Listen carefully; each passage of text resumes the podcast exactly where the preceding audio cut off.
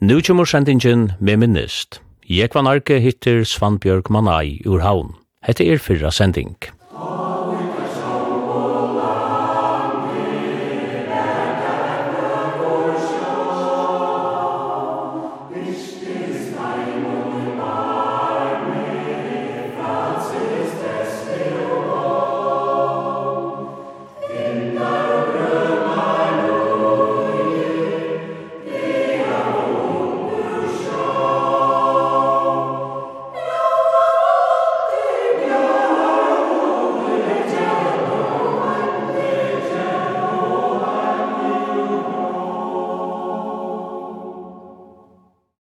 Gjestersjåkne det er Svambjørg Manai, som hever arbeidt i 24 år av flymarsjadaltene til postversjonen, så gjerne han var stavna i 1906 Og nu hever så vært hilden en samkomma og i samband vi at hun legger fra seg. Svanbjørg, jeg vil ho at vi først for å legge dent og gongtene i Frimørsjadal. Ja, jeg begynner først februar i 1976. Og det var så tvær måneder av en ivtøkna av postversjonen. Finnboi jo var minister ta, og arbeid fire. Jeg var just atterkommet ur Norra, og atlet meg servere førjen. Jeg kan Egentlig at la meg bosett meg i Norra, men Arne tar for å gjøre og lære meg også annet mal til Spanien. Jørgen Gunnarsson var kommet hjem ur USA og var settur a kipa fire frimerstetaltene som var i ombona. Men han kom seg til okkon, han var i nei, det her lov som er brøv, fra samlaren rundt om i heimenon som skulle sværast. Vi tatt jo R4 haft en utgave 1955, 13. januar, som danska postverk stod fire, men som var fyrstan først frimerste. Og jeg tog at det var sånne samlare, så, så skriva jeg der. Der skriva jeg bare og sendte tjekkar og bøyletjengar til utgavene som nå skulle være i april. Og her var ungen av deltene. Så han er bror for noen som kunne svære av imensk og malo. Jeg ble så begynner å komme hjelpe til. Og det sier jeg så ja til. Og så er det som er byrja, jeg tar byrja i Hanna Nilsen, som har vært nere og tidlig kjær utbygging som tyske korrespondenter. Vi byrja i samme det, og hun tog så eisen engst. Vi arbeidet, altså. Vi arbeidet bare i vikskiften og alt, for jeg får alt det der til høyder og det var jo unga telter, det var jo alt skrivet på maskin. Men eh, som sagt så er Jørgen, han var kommet etter USA, for han er, som han sier, snottet sin det til det her vi EDB, som det kalles ta.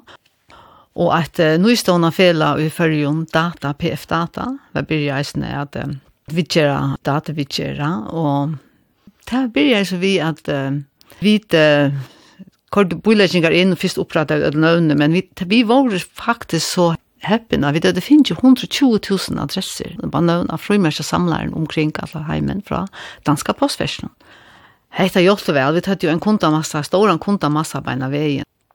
Men hetta skulle alt vitjerast, hetta var en adresser som jeg kanskje ikke kunne brukast, og alt det der. Så hetta blev alt kors nian.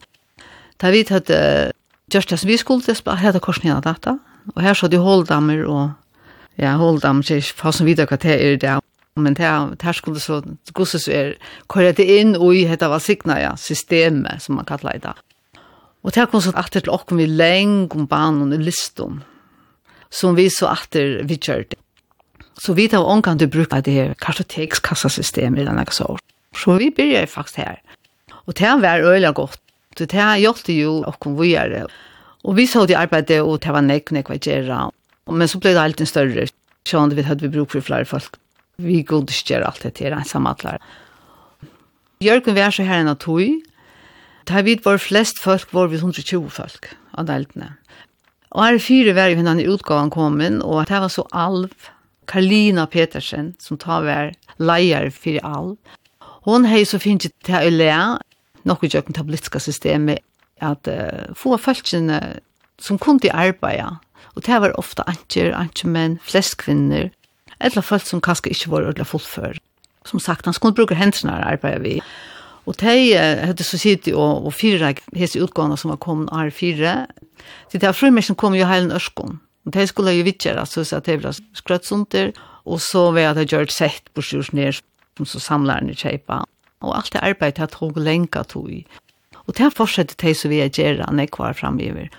De var kjenne svang, her nere her som datan og alt det her var sett nere i bøynen. Og vi, vi fortsetter så av kontorsøyene vi kunde tjeneste og sånn her. Og Jørgen var her noen år, og så kom Knud Vakker. Han var jo uh, denne, og var gifter i førjen, og han kom til førjen av Vera. Og han var irassistent, det kallet man da ta. Og han tok seg iver etter Jørgen, som får vi gjøre klokst Anna.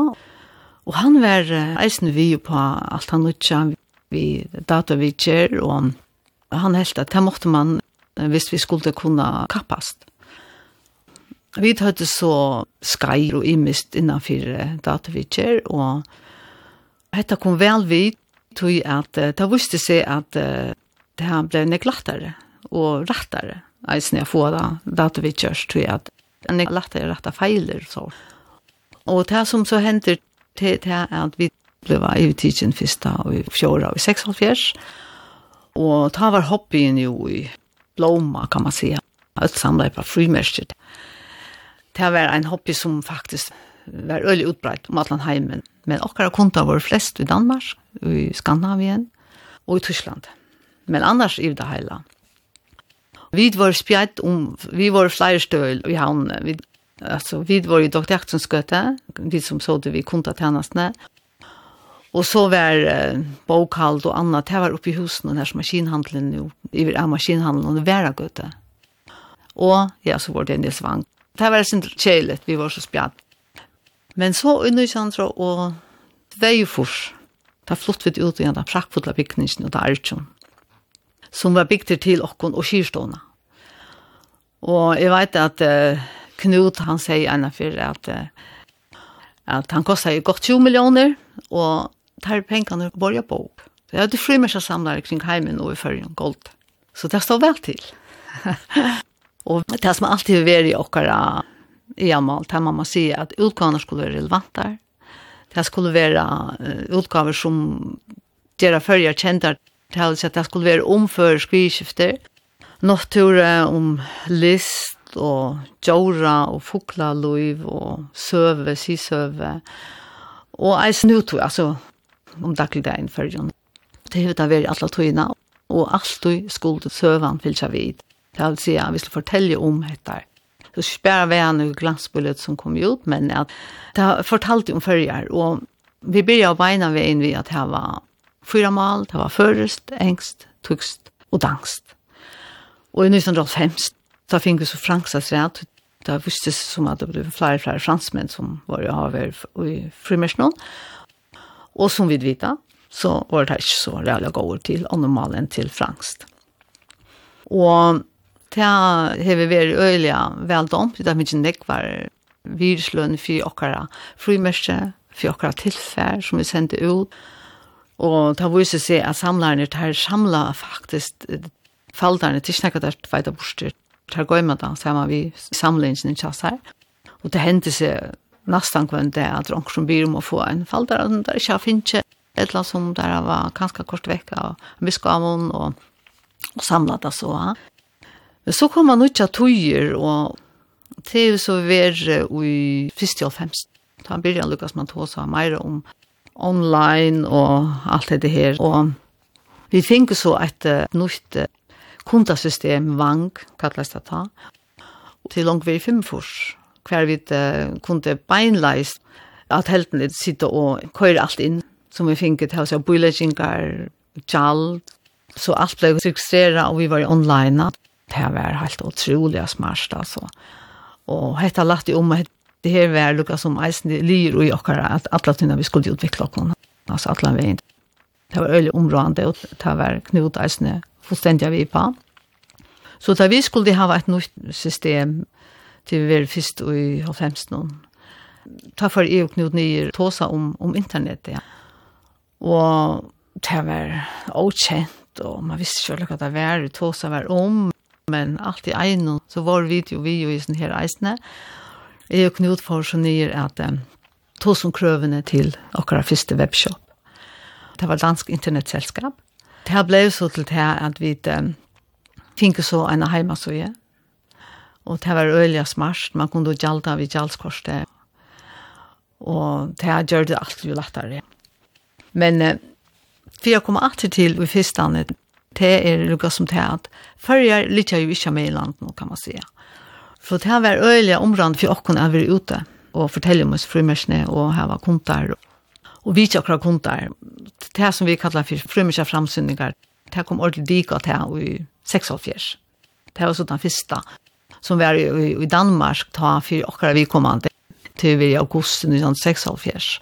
Och här minns det att här var Johanna som var här och det var ett väldigt upplevelse. Här stod kontar och i kø, alltså det var så jeg sa att um, där stod kø framåt ner till vid lukka, och, och det var inte pausa och det skulle bare ha oss Mission. Det var det så bare Hesse fyrstan pluss hesse troi som kom ut första april da vi ble kjolstå, ut, det var batrin, flatje og postmæveren.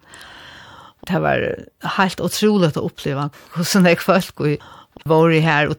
och det var det spesialskors. Det är så tullig det var ikke oppfunnet, så det var tjekkar og kontanter, og, det var rævlig bare inn. Det var øyelig stort litt å oppleve det framsynsna og så fortsetter vi. Så var vi til Holland i Arje och og i Kanada, og alle mulige steder har vi vært. Tyskland i SN, og det var samme skil, og det første årene. Og alt det som lykket til en av første forskjellen. Så det var fremsynninger helt utrolig vel vidtjeier, og det var køyer, og folk stod i køy for kjøpes frimersene. Vi var, og i terra vi er eksotisk. Det var øye stort til å oppleve, og nekve, nekve samler Ta vi byrja vi høtt vi så 120 000, og ta vaks så ikke, det ble jo ruttet nekve utdeist, nekve var dobbelt, og och kanske folk var flott och sånt där kom faltan ratter och sånt. Men detta var en stort uppleva och, han var ju frimärke alltså näck brukt. Du brukte ju frimärke sända bröv och det var på en brev som kom ju så att visste vad det frimärke var. Men så började det lyckas om i håll om att eh, kanske stadigvæk er det nekve samlare, og det er det en. Det er blitt helt post og sånt. Så ta minka til her, sender vi, vi har man sender brøv til til, så om at flesta sender en til til posta. Og hette har jo sjålande haft avvarskan. Og lukka til deg nu det. Det som har vært öle områdende for jokken, Här er det nemlig vært til at marsnavføringen ute i heime har vært øyla aggressiv, kan man säga. Det har vi lagt stor dent av, tror vi att um, hur skulle folk annars känna till oss? Det var ånder land som utgöva frimärser till spärra vid Så det var konkurranse, selv om man kan si at danskar har alltid samlet fyrjar og Grønland. Det er lukka som kongarutja. Men så er det andre land som har valgt å samle små øtjar, tog at eh, det kanskje er fire fransmann, og så til å samle på fyrjar. Og det er jo så gjort okkon, og det er vi tar marsna først okkon så kraftig i reisen gjørst, vi tar vært rundt om, og, og vært kjent, av du ser. Jeg vil si at um, det er øyla nekver frumersa som er kommet til fyrjar affærast, tog jeg at her heva hårst om fyrir via frumersene, og kan man se få bolten nesten, ja, jeg synes ikke. Det er heisen veldig øyla omrande. Så at, så vi tar kanskje, jeg vet ikke man kan si at vi er heldig, men vi tar alle togene helt fast på at det er nytt er ikke, bare at det var frumerser, utan at du høver et kunningar tilfær at vi som følt så kunne läsa och blåa i. Och ta ju så til börjar vi, vi kallar webshop eller en heimasøye, så blev ju til här neckbrukt. Och här lötte vi så allt kunde tillfärg in och så, så att de som kanske inte hadde finns vi falldarna till det lättaste åndre träd som inte vi från byrjan av. Så det mangler kanske akkurat tillfär som det så kunna få av heimasøyene. Och detta är øl området Det ble mer og mer omfattende. Fyrstene ville si var det kanskje mest de som bo langere vekk fra oss, som kjøpte Amerika og hinnemina, som han sier, klodna. Og hinne, tuskerne sendte brøv. Her har alltid vært konservativer. Det er så sendte brev, vi er en bulleting og så videre. Men eh, som det ble mer og mer utbreit at bruka bare teltepost og at åndre eisene få oss her handlar av någon så vänjas här ju eisen vid här Så i det vill jag säga, kommer med i parsen till åkken, tannvägen. Og det er noen farbrød som kommer inn, men det er ikke sånn jeg. Som det var for i kassa, vois, altså. Men det er, men det er ikke det. Det er brøtt. Det hever nevnt at du har haft en finger vi i spelen og i ødlund her som tusen frimærksen som er kommet ut. Kan du fortelle oss om hvordan frimærksen er til? Ja, og i fyrstane var det han Esper Midtjord, han var postmastare, og han gikk øyelig høyt på i akkurat det som vi tog som at det skal være utgaver som, det skal være noe som kommer ut som vi slår hever noe, altså det skal ikke bare være akkurat. Det er viktig at det hever noe, så sier akkurat noe som føringer og ører. Og i han var det mest han som fikk vi til, men alla faltarna och allt det här som blev gjort, allt tillfälle som blev gjort uh, i samband vid utgavna. Det var så är Johanna som tar så ut vid tog. Och texter finner vi så till via fra folk som har kil tog som vi utgav, hvis det var rytøvende, så var det skriva hjem til. Og til første årene, til første nekk vi årene, da hadde vi øyla største samskifte vi bare ja, listamann. Mitt gjør han byrja var lukka som at han var lukka som veleier, hva kan man för att Gulvid och han dotte ju väl annat än bara att mala. Så han skrev en ekva texter i första hand. Det var Olja, ofta han som skrev alla texterna som vi så fick ju omsätta. Och Slania, han kände Kessler Slania, polske gravören som flyttade till Sverige under Krynon. Han blev så ansett av till svenska postversionen. Han var ju gravör. Och han har graverat och han brukte vi från första dagen. Och han var långt att ha hemskänter.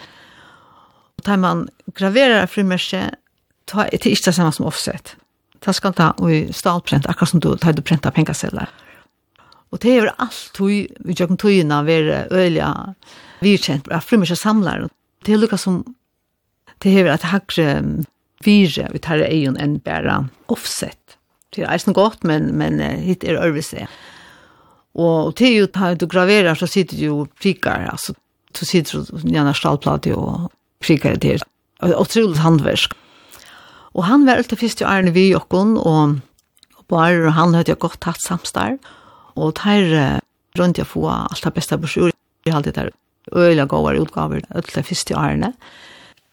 Men så ble det mer og mer ivelig til Knut Vakker og åkken av frimerseteltene at uh, takk åkken av oss ned. Og det gjør vi så. Men mitt jo var alltid vi. Han skulle lukka som sier godt fyrt i eisen. Ja. Og det, det var jo eisen trygt for jokken, at han var lukka som kunne nikka og sier, ja, ja, hadde gått da. Det er sånn, da begynner vi til til vi finner det hva, hva skal utgave. Vi hadde ta en fyraårsplan, sånn det var en fleksibel, og kunne brøytas til et eller annet samfunn kan plutselig komme som henter, og så tek man til inna. Men annars så var det øyla så at vi ville vita hva skal komme ut, og, og kunne arbeide frem og til Det skal jo arbeides vidt du. Og så skulle man ha et lista for alle gjerne. Det var målninger, det kunne være teknikker. Og så visst det så er det ikke om det blommer, fiskar, eller foklar, så skulle det teknas. Det var det første årene, gjør det på årene hva tog. Og Astrid Andreasen kom eisen vi, og Edvard, og ånder vid Taimon. Og det er faktisk nok så fruer henter, men Eller ofta kom det skitser inn fisk, så vi sitte, ok, ja, det er, det er godt, kanskje skal hatt lukka brøyta, så lukk skjort. Så at jeg kunne være trygg, og sitte og arbeide visen her, og at det så kom, at vi var nøkt vettan. Det er vi alltid sinne vi, eller områdende fyri og vi postfersen, at det er førstlista folk som er kommet, og, og eisen kommer vi hosgåten. Det er ikke alltid at uh, vi kom i hosgåten, men at det kommer ut fra det er veldig øyla godt, og vi er ikke å huske den tannveien. Så er det en fotografer og grafiker som har var finnes oppgaver fra kon. Og jeg må si at det er ikke øyla vel. Det er spennende å sitte vi. Tui at fra tui at du begynner å huske hva skal det være, hva det ekner seg og så. Og så at det har blitt til frimerket til sørst. Det er alltid en øyla spennende prosess i Øtland. Så jeg vil si at um, Jeg har haft et utrolig spennende arbeid, som har dømt utrolig vel. Så det er omgang til å være kjedelig, selv om det er selv om det alltid er okkur som ikke er så godt. Tog jeg at, um, som vi begynner ved å si, så er den ikke brøyt, og brøvene minka. Så det er ikke alltid vært så spennende å være ja, stående som mennesk så kjøtt, og at det samme at folk har vært nødt til å feie hjem. Til vi blant av en kjensle og at man har haft ett gott arbetsplats men så är det ju ont och att man är nöjd till om stab Till det är det inte också. Hva er måneden av en snedgravera og, og ta med offset prenta og frimmersjonen? Det første årene var det nekv gravera, flere sett om året, ja. Det var nesten, nesten bare gravera i mesturfistan, ja. Men eh, den prosessen er øyla dyr. Så, så Så det kunne ikke ordentlig holde av fram. Så er det eisen til at det er ikke grunn til at gravera en målning til dømes. Her tek du sånn til en professionell mynd av målningen hvis du skal ha en lista for og en utgave hver du, du heirar inngå et langt fra en annen.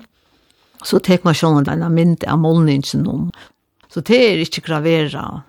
Det er så brukt som det er som foto. Eisen kan man bruka hvis det er naturen det har haft nek, som man sier, hver du teker mindre under sjån og neisen, ja. det er jo opplagt at det er fått da. Den prosessen er bøyligere, kan man sige.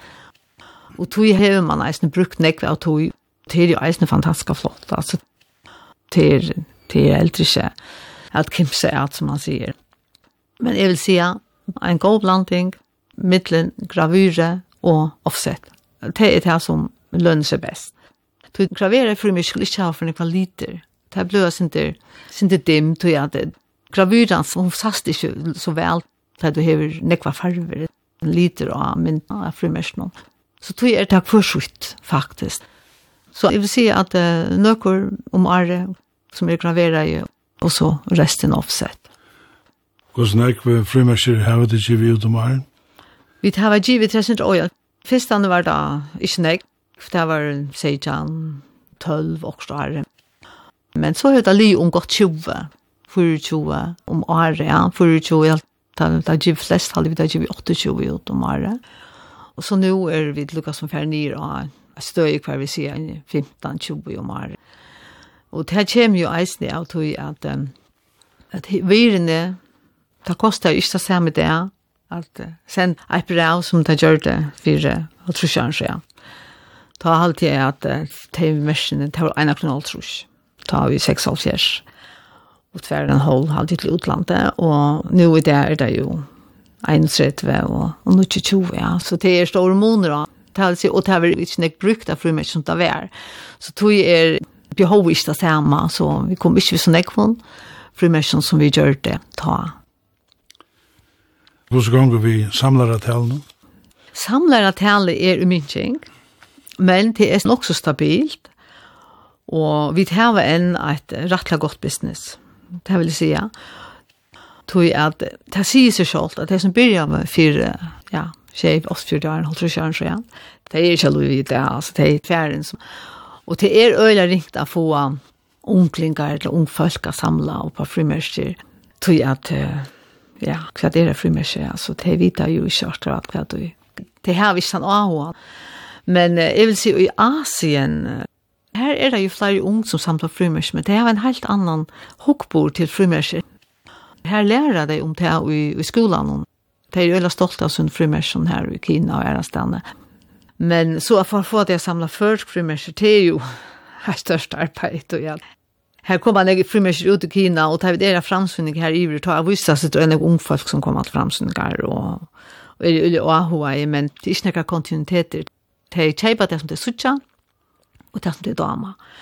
Og akkurat frimersker sånn at de har et høyt vire. Altså, det er nok så dyr i forhold til hva det kostar seg teimen her i vire, ivre. i vire kostar ikke nek som tjokken. Så her bruker det stadigvæk nek posten. Det blir jo dyrere, for færre brød du hever, dyrere er det senda det ut da. Så det, det sier seg selv.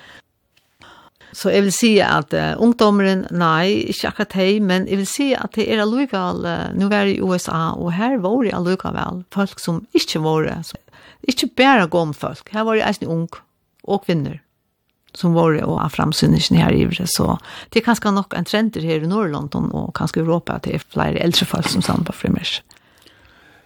Jeg har skilt av lønnen at uh, etter vi frimers utgave til hever vi en gavforretning til uh, postversen. Det har vi da, absolutt. Det er i minnes hver vi har haft størst omsetning hver en av første forskjellene. Det var det 40 millioner, og det er bare for mennesker samlere som vi tar oss om. Det er ikke vanlig post og brukere. Og det er jo fantastisk av vår snakk frimersker, det er jo nek som jeg har samlet da. Og så gjerne er det så ingenier etter, vi har ikke haft så stor omsetning etter, og i det er vi kanskje 11, 12, 12 millioner men, men utifrån vi 120 folk, så er vi det der bare fem. Og det her komst det av tog at vi i 2008, vi tror jeg her omkring, seks ganske, da begynner vi at uh, utveita det som vi kallar for framleislene. Og til det arbeid som er vi at uh, skriva fru mæsken fra kvann øren og lykke sett og gjøre spel spjål over alt det. Det ble maskinellt. Og av det samme så har man jo ikke bruk for lukka nekvom føltja, så nu er det kundat hennast han og marsnarføringen som vi gjør det her i fyrrjun og resten har vi så utvakt. Det komst det av nemlig av tog at han ble færre, og vi kunne ikke bli vidt her og lukkende folk. Da vi var i Arjun, da var det så at uh, Det var det i 15 noen, at man skulle fære ned i tjejer til å kjøre aldersmark for pensjon, for fære hjemme for folk av pensjon. Her var nekvar eldre damer og venneisene som var kommet på om til. De ble så alt kort hjem, så de minket nok så, nok så drastisk akkurat da. Og jeg minnes det, det tog seg man etter om pensjon og køyre pensjon opp, og man skal arbeide langere. Jeg minnes hvordan så kjedd, og jeg følte meg at jeg skulle køre oss hjem, altså. Det var, det var ikke vel, vel måltid av heimen. Men um, så svett jeg, det var politisk vidtid, og det gjør det vi så. Og så minka jeg til alle, så vi vi av Øtlens ned, så så det jo produksjonene ta. Så var det altså bare tre tveter, og da vi så flotte Vi får jo ur hos noen Archon i 2006. Ta i tog land i huset, og vi får sånn igjen av Ånsa, vi er til starsfølgene. Og her har vi så vært så igjen, og her er det alt av vera. Ta var vi ikke sånn jeg etter, så, så minket det så vi og vi, og onkel folk får så utan att vilja det. Men ja, det är alltid kärligt. Men ja, och det är det så bara fem folk efter som får vi till som äter marsnaføring, Och, och så är det allt som äter att sända ordrar ut det har vi allt stadväck körstjocken, patching och allt det. Jag håller mig av hörst att uh, omkring kunde också frimärkna löv i postversen. Det gjør det, faktisk. Det ville passe han da. Avlåpet av frimærkjøsølene til samlere, til alt vi utskått av tog, og alt vi da har vært. Det har vært 6 millioner, og så det har vært 5 og 4, og til minka så nyr, og kanskje 3,5, og her omkring. Det er stadigvæk et godt avlopp Nå vet jeg ikke hva det er i år, men det har fått å sitte. Ja, det vil si at det har vært godt for postverset i betydelse frumersene. Det har vært sin ta om det for å løse seg, om det for å bli for dorst og sånt. Men det har vist seg at det har vært kort og rasjonelt. Og man har rønt at um, gjørs det så rasjonelt som mulig for det, nemlig at det skal være et iveskål. Hvis det ikke har vært det, så er det jo om vi hadde haft denne frumersadelen. Så det ber jo til at uh, kjeipa porstå på æra matar enn vi frumersene. Og det er særlig kan du bare få posto vi at kjøpe av noen og få et tal som du setter av brevet og som så fører kjøkkenen. Så det er i ærmater, men jeg er glad for at det er en god forretning, som man sier. Og det er for det nok å fortsette vi til råkne vi i nøkker og arkosfer. Jeg sa tøyene er postverset omskipa. Det er postversk førja. Ja. Og så ble det postet halvdig. Dårlig måneder? Ja, jeg vil si at ta i uh, mitt fra fra 85, så var det Berger Gerres som tog iver. Og jeg vil si at han var setter til at uh, få åkken, ja, Mara og en annen utsatt tog, tog alt brøttes så knappelig. Postverset ble omskipet i 2005 til Parstafella, hver det ble gildt fra 2006. Arent her var det jo satt med sammenhengar vi uh, landstyret, og nå ble det så postfeleie som bestående av i 6,5 som vi postversleislene som, altså, man kallar for motparst, jeg vet ikke, men sånn man samlet til ganger fyrir seg vi esperna. Og så tar jeg Berger så tog iver, og vi blir parstafella, så fink vi da løsende frihjert heimar. Det er alltid at vi får inn av under økker. Vi var vel vi, i fraktparsten med en Esbjørn var, var stjåret, Og vi rønte så få mer gong da til, og han parsten til at prøvene minka i. Det er minka i så synder spekelige lykka suja. Og ta i så bergo forfra i 2006 Ta kom så sofos Klemensen og ble ståre, og han ble helt sikkert sett til å sitte fer og telskilt og alt det. Så ble det til at uh, att at jeg nå ikke større kommer, så vil det gjerne ha at jeg nøvnene ble brøyt, då vi blev sinte mer moderniserade och vi fick så en bulk vi imska starsfolkon alla som spelar vi namnen man vi sentstående och det blev så till post och så fick det nytt logo och så posthatene blev eh, ikke brukt mer, og vi finner så nytt logo, og nytt kjent samleika. Det er det så veri Lukas og Jan, og dette var 2008, og 1. oktober 2008. Det var Lukas og Fri at det understryker at vi kanskje har vært en, en nytt kjent, det er lettere stående, jeg vet ikke det her tunga som postverk fyrja, kjolt og merdamer, og trylla vel til navnet, skal si at. Og så skiftet vi så atter stjåra ta i 2012, ta i Joel, under leiten, ble setter. Det her var så eisende fyrir at, um, halvtid er fyrir at, uh, hva er enda mer affære av det som vi det er så vel vi og i uttalgilting av et mulig slag. Og det har alltid vært godt for postverset. Vi tar var fyllt vel vi, og han kom eisen fra ja, enn vi fraktene. Det vil si at vi skulle sitte fer og at her.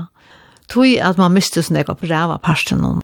Hvis vi så stod at vi skulle eksistera som et uh, postverk, så var det området ja, vi hadde en gående omsetning, og vi kunne jo ha fria timer, at uh, vera vi, vi tog som eiter flottninger. Det er jo alltid vi er i okkara. Primera at her er at vi har flott vører Och det är så vi jag knum på Danmark i nu i Postnord. Så här har vi alltid haft det samstarv och det det som tar gör att har vi så tidigt hem till förra reisen.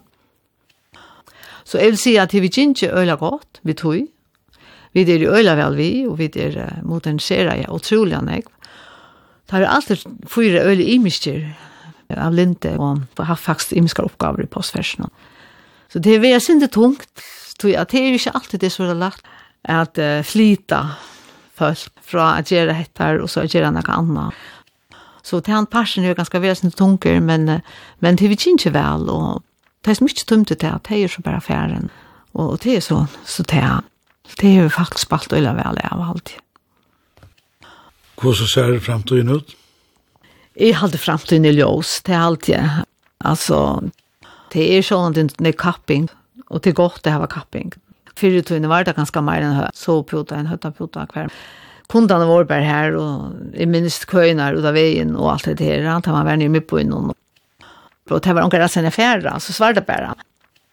Men det er det, du bør ikke komme inn av postet en gang, for jeg gjør at du gjør det, så, så det er ikke bare vidt, det er ikke noen andre som doa, enn er det så brøvende, men det er faktisk. Men jeg trykker ved at det er en hovedlighet starter så åpnes den andre, så, så hatt det er bare så nu under dagen ta i samkomma vær, ta fikk du eisen i høve til halvdana röven.